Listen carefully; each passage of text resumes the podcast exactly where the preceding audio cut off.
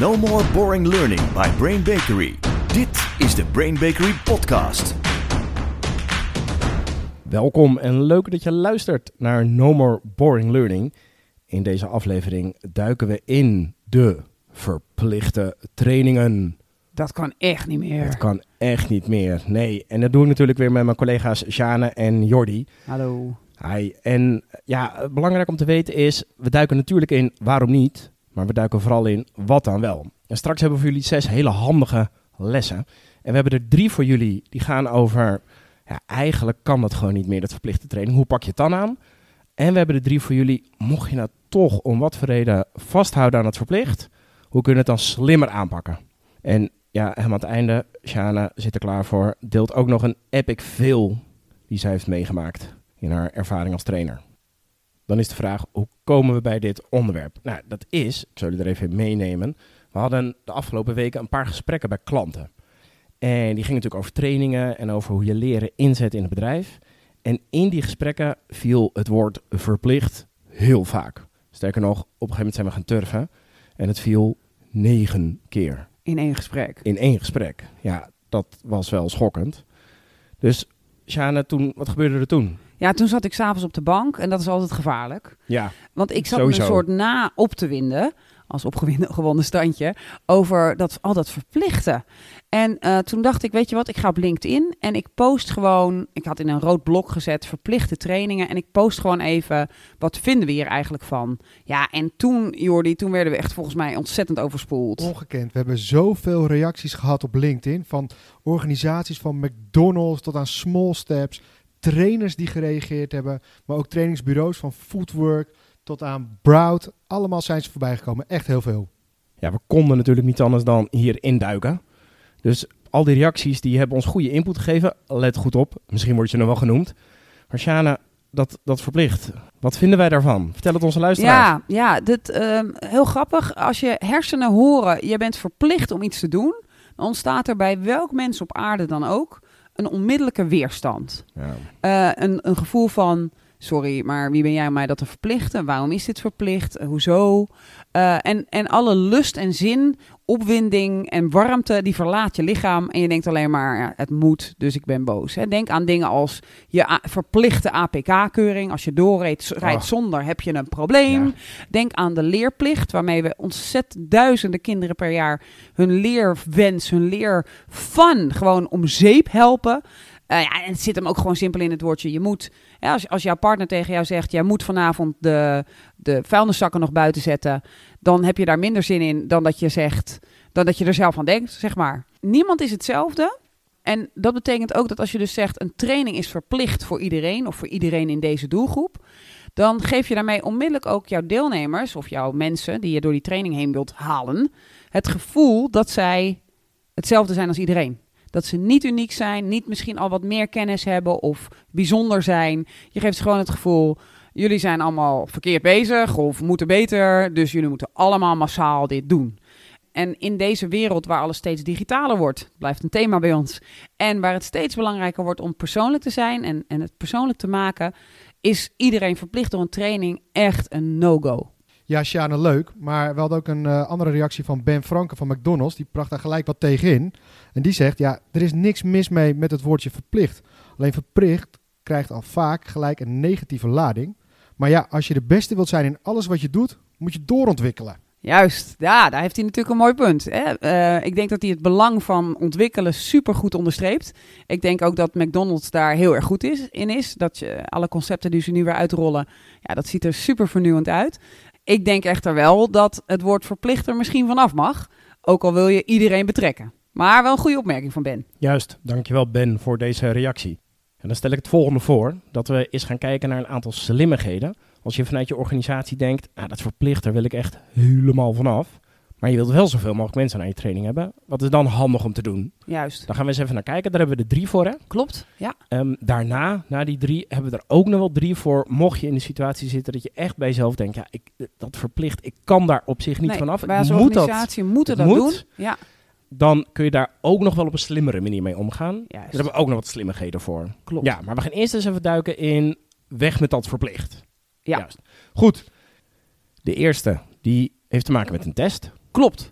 Ja, wat je kunt doen op het moment dat je denkt: ik wil zoveel mogelijk mensen lokken naar mijn training, zonder dat ik hem verplicht stel aan iedereen, is dat je een kleine barrière, een kleine drempel opwerpt, vlak van tevoren. En dat je zegt van nou, kijk even of deze training wat voor je is door middel van dit zelftestje. Dat kun je op een ontzettend leuke manier vormgeven. Eh, wellicht heb je wel een platform in je organisatie. Ja. Je kunt het zelfs als ZZP-trainer ingeven dat je eh, iets eh, afneemt, bijvoorbeeld bij Easy Generator. Die hebben daar hele mooie tools voor. Dat je een testje naar de mensen opstuurt en dat testje dat zet je zo in elkaar dat mensen denken... Oeh, tering, ik weet nog niet alles. Kijk. hey, dit is interessant. Oeh, ik scoor daar wat lager op. hey, maar op zo'n manier dat het leuk is om te leren en dat je een soortje uitgedaagd voelt.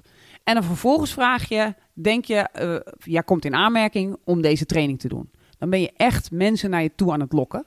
En als je dan zorgt dat dat soort leuke testjes gewoner worden in je organisatie, dan gaan mensen denken, oh, ik wil heel veel zelftestjes doen, want wie weet kan ik me nog wel verder ontwikkelen. Oeh, en zo slim. kun je op een vrij makkelijke manier, ja, je moet het wel goed doen en je moet wel slim nadenken over hoe je een testje maakt, maar kun je dat eh, veel uitzetten. En ja, wie heeft er niet ooit, misschien vroeger of lang geleden, een testje gedaan over je horoscoop is dit, Zeker. welk dier Ja. ben je dan op Ja. Facebook of zoiets. Ja. Mensen vinden dat gewoon leuk. Wat zou je superheldennaam zijn? Juist! Ja. Ja, of oh, ik had er laatst een inderdaad. Mijn, mijn hoerennaam was mijn onderbroekskleur met hetgene wat ik als laatste had gegeten. En we gaan door. Ja. Sorry. ja, het is voor alle luisteraars eh, dit. Oké, dus een, een, een slim in elkaar gezet testje of test die ervoor zorgt dat mensen echt nieuwsgierig worden. En dat ze ook een beetje ontdekken, waar ben ik misschien ook wel goed in? Waar ben ik, waar ben ik dus ook nog niet goed in? En, en die eigenlijk een soort van nature die nieuwsgierigheid Ja. creëert. En dan gelijk eraan vast, wil je een training doen, dan en dan hebben we hem. Juist. Zodat op het moment dat die hersenen aan zijn en denken, hé, hey, daar wil ik wel wat mee, dat die dan wordt aangeboden. Dat is best een slimme. Juist. We gaan naar nummer twee. Nummer twee is dat je een, eh, een soort escape inbouwt. Dat zie je nu bij best wel veel organisaties. Dat, dat je als organisatie denk je eigenlijk, ik wil iets verplicht stellen. Maar je denkt ook, ja, wat ben ik voor een ontzettende ouderwetse eh, organisatie als Ja. ik met het woord verplicht aankom. Dat wil ik niet meer. Ehm, dat je zegt van nou, deze is lekker voor iedereen. En als je denkt, ik heb hem niet nodig, dan kun je een escape nemen. Je kunt onderbouwen waarom je hem niet kunt. Je kunt een pitch houden waarom je hem niet nodig hebt. Je kunt een testje doen Ja. om aan te tonen dat je hem niet nodig hebt. Eh, en, maar die, die mag iedereen maken. En als je daar goed doorheen komt, dan hoef je er niet heen. Dat is ook wel een handige. Dus je creëert het gevoel, oké, we zijn wel verplicht, maar ik kan eronder uit. Maar Ja. dat moet je wel bewijzen. Ja. En als je dat dus niet kunt bewijzen, Dan, Dan moet je alsnog. ja, Ja, ja. Of, want dan komt er uit, uit het bewijs ook een soort Ja. burning platform voor jou om het wel te gaan doen. ja, dan ontstaat er natuurlijk een leerbehoefte uit. Ja. Top. En het grappige is dat als je die inbouwt, dan zeg je dus tegen mensen: het is niet verplicht. Dus die hersenen gaan niet helemaal in de weerstand. Nee. Maar ze gaan gewoon even nadenken: denk ik dat ik hem nodig heb? Nee, denk van niet. Denk ook dat ik daar bewijs voor heb. Ga in gesprek, doe een vragenlijst, iets. Oh, komt er toch uit? Ja, dan denk je ook: ja, ik snap het eigenlijk wel. Ja, want in het, in het soort van slechtste geval bewijst iemand ook echt dat hij de training niet nodig heeft. Ja, En dat, dat is dan en dat is mooi, toch? een goed geval Ja, dan. precies. Ja, precies. Ja, heel goed. Lekker hoor. Ja. We gaan naar nummer drie. Nummer drie heeft te maken met hoe je de, de ge- gemeenschap in je organisatie een beetje in beweging krijgt. Hè? Ja, precies. Als jij, als jij een initiatief hebt in je organisatie, of, of je bent een externe bij een organisatie en je wilt een initiatief nemen in een organisatie, wij hebben het al een aantal keer gedaan, Juist. dan kun je kijken van, oké, de top is nog niet klaar ervoor. Hè? En de top kan vaak zeggen, het is verplicht voor iedereen, want wij zijn de top, wij krijgen meer betaald, dus Ja. wij eh, weten het beter. Ja. Maar je kunt ook zeggen van, oké, ik ga een beweging in gang zetten, ehm, waarbij je gaat zeggen, wie is hier, hier een pionier in het bedrijf? Hè? We hebben dat bijvoorbeeld binnen Accor Hotels wereldwijd gedaan. Nou, 250.000 mensen. En toen hebben we gewoon aangeschreven aan iedereen, wie vindt zichzelf een pionier? Eh, stuur ons een filmpje met waarom jij een pionier bent, waarom jouw mensen in jouw hotel ontzettend van je houden en wat voor vernieuwende dingen jij zo al doet. Dan mag je misschien toegelaten worden tot ons geheime project. Oeh. En het leuke was dat we. Nou, heel veel mensen vinden filmpjes maken eng. Maar we wilden graag mensen die uiteindelijk een training gingen geven. Dus die gingen dat insturen. Ja. Eh, en eh, ze onderbouwden best wel heel goed waarom zij een pionier waren. Dus we konden een hele mooie selectie maken. En we konden ook de groep die we niet gingen meenemen. Want we konden niet iedereen toelaten. Nee. Konden we ook wel betrekken bij. Jullie zijn wel in de tweede golf. Of jullie zijn wel de, de volgende. Dus die konden we ook betrekken. Dus je hebt gelijk een groep vooroplopers. Ja. Die bied je als eerste je training aan. En dan ga je ook kijken van wat doen ze ermee? Hoe werkt dat in de praktijk? Waardoor het wellicht voor anderen super interessant wordt. hey, ik mocht niet naar die training, maar mag ik dan wel de tweede keer? Waardoor je in plaats van een soort push, verplicht, Ja. Top-down. alsjeblieft. Gewoon Ja. bottom-up het heel aantrekkelijk maakt. Lekker. Ja, moet je wel een aantal maatregelen nemen om je training ook echt aantrekkelijk te maken. Hè. Dus leuke locatie, eh, de training moet heel goed voelen, niet eh, death by PowerPoint. Eh, maar goed, daar, daar gaan andere podcasts over. Maar als je die goed doet, dan, dan komen mensen vanzelf op je af. hè? Nee, Ja, precies. nee. Even één gedachte van mij, want, want wij zeggen natuurlijk heel vaak dat je ook management erin moet betrekken. Ja. Bij leidinggevende van mensen. Dit lijkt, ik, denk niet dat het zo is, maar misschien dat onze luisteraars even moeten uitleggen. Het lijkt een soort tegenstelling hier. Want die zeg je eigenlijk, laat die leidinggevende met rust. En vanuit de medewerkers komt het. Strijdt dat met elkaar of niet? Ja, dat, dat strijdt met elkaar. Maar ik denk dat, er, dat het komt omdat je een ander doel hebt. Hè? Met, met deze training die je eigenlijk aan iedereen wilt geven. Eh, omdat je denkt, dit is nuttig voor iedereen. We hebben echt een prachtig iets gemaakt.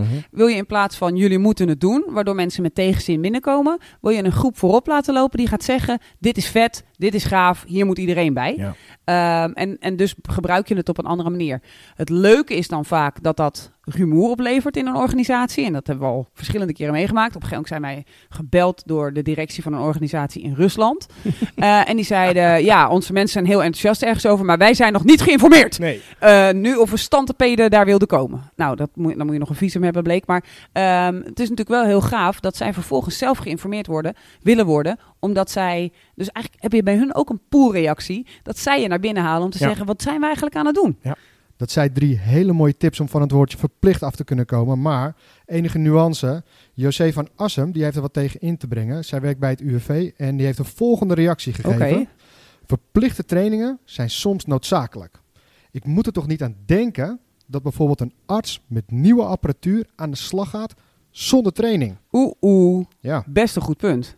Juist. En, en Ernst en Saskia, die ook hadden gereageerd, delen deze nuance. Ja. Ja, ik, ik snap hem eh, heel goed. Ik denk ook eh, niet dat ik geopereerd wil worden door een ongetrainde arts. Ik Nee. denk dat niemand het wil. Daarentegen denk ik ook dat er geen arts op aarde is die ongetraind een menselijk lichaam in wil met een apparaat wat hij niet heeft. Dus ik denk niet dat het punt is wat we proberen te maken dat verplicht helemaal weg moet. Maar ik denk wel dat je moet testen, zeker in, in de gezondheidszorg en in sommige andere vakken, hele technische vakken waar je met gevaarlijke eh, apparaten omgaat dat je moet testen, kun je het echt? Hè? Ben je er echt klaar voor? Dat je dat zeker wilt weten. Dus het inbouwen van verzekeringen, dat je zeker weet dat iemand iets kan, vind ik iets anders dan een verplichte training opleggen. Ik denk dat het eerder bij een arts is. We willen zeker weten dat je dit goed kunt, dus toon dat even aan. Volgens mij gaat het dan niet zozeer om hoeveel uren training die doet. Nee. Misschien heeft hij met een vergelijkbaar apparaat al gewerkt en kan hij het dus in één uur goed besturen. Nou, ik denk niet dat er iets is wat een arts kan in één uur. Zoveel respect heb ik voor ze. Maar eh, dat, dat hij het in kortere tijd kan dan iemand die voor het eerst met een dergelijk apparaat werkt.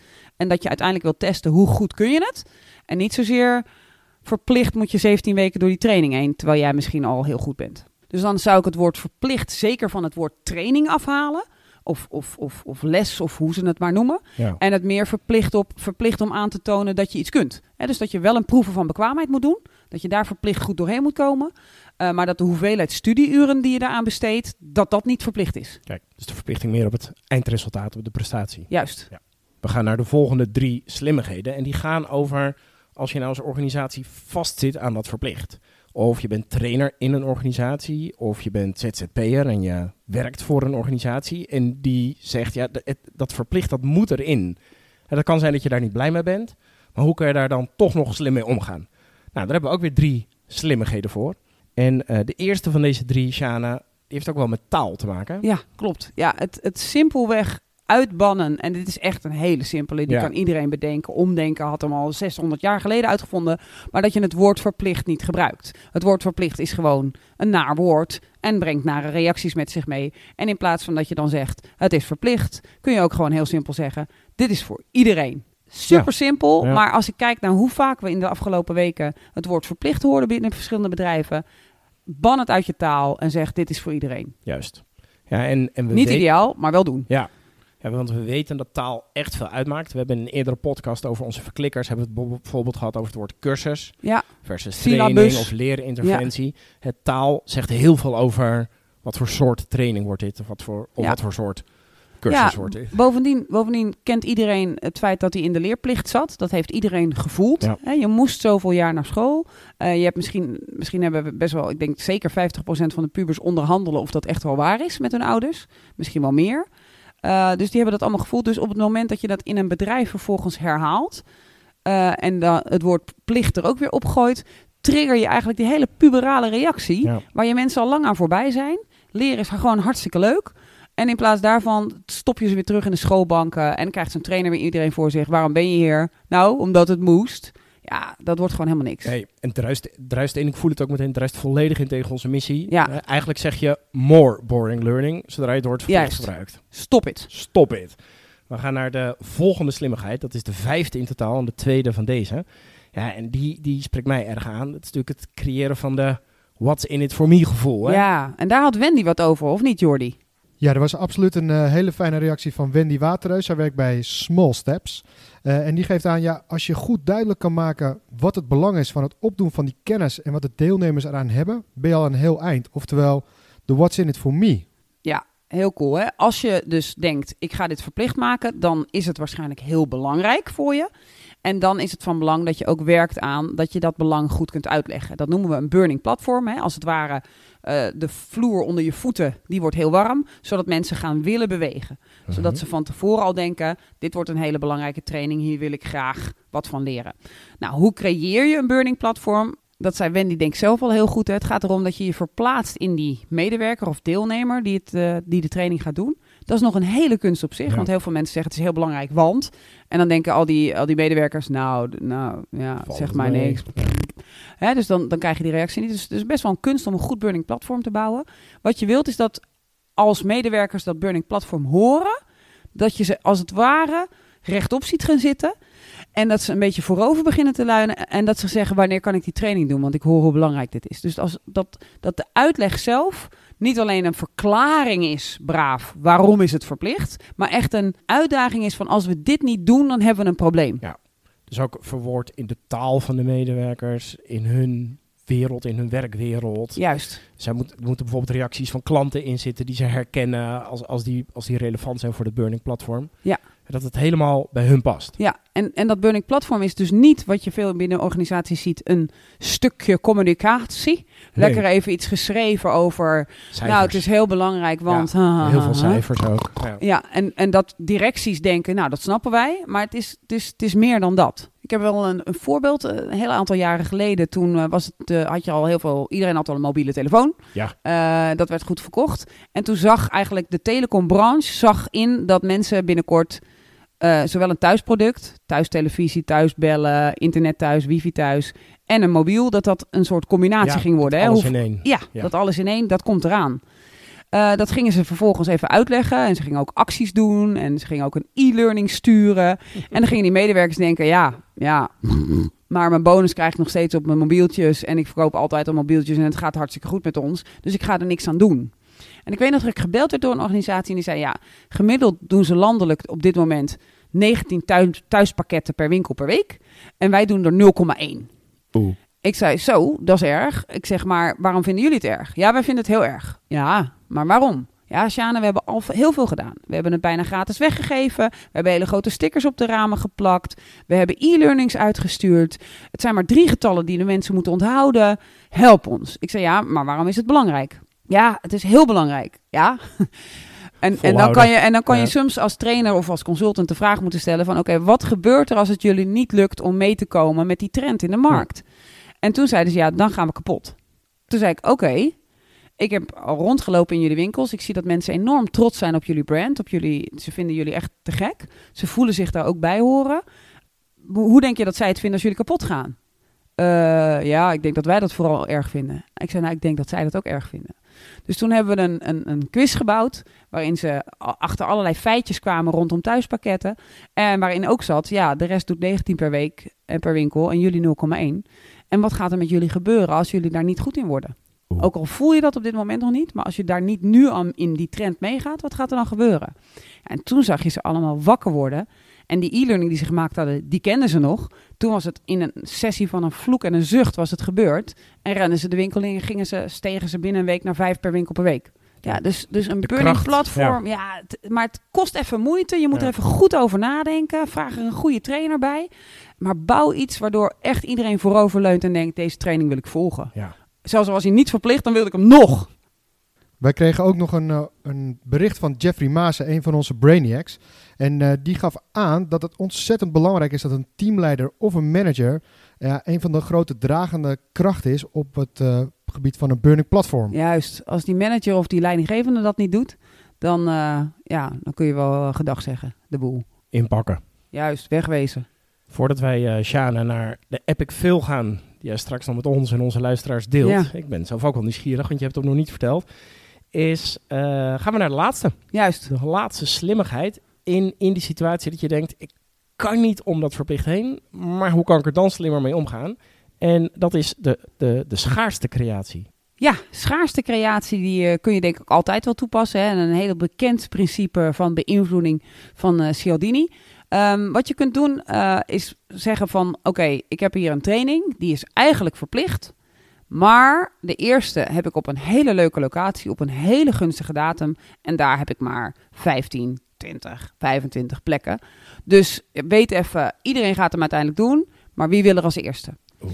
Waardoor je het is een kunstmatige ingreep. Hè? Dit, deze, drie, deze laatste drie zijn niet de idealen die Nee. je wilt. Maar Nee. stel dat je toch voor verplicht gaat. Dat je het op die manier aantrekkelijk maakt voor de eerste mensen om te gaan. Dat ze gaan komen. Dat je leuke foto's maakt op die dag. Dat je dat verspreidt. Dat je ze misschien interviewtjes afneemt. Waarom de training dan zo leuk is. Waardoor de anderen die misschien wel weten dat ze verplicht moeten gaan. Wel een positieve vibe krijgen rondom die training.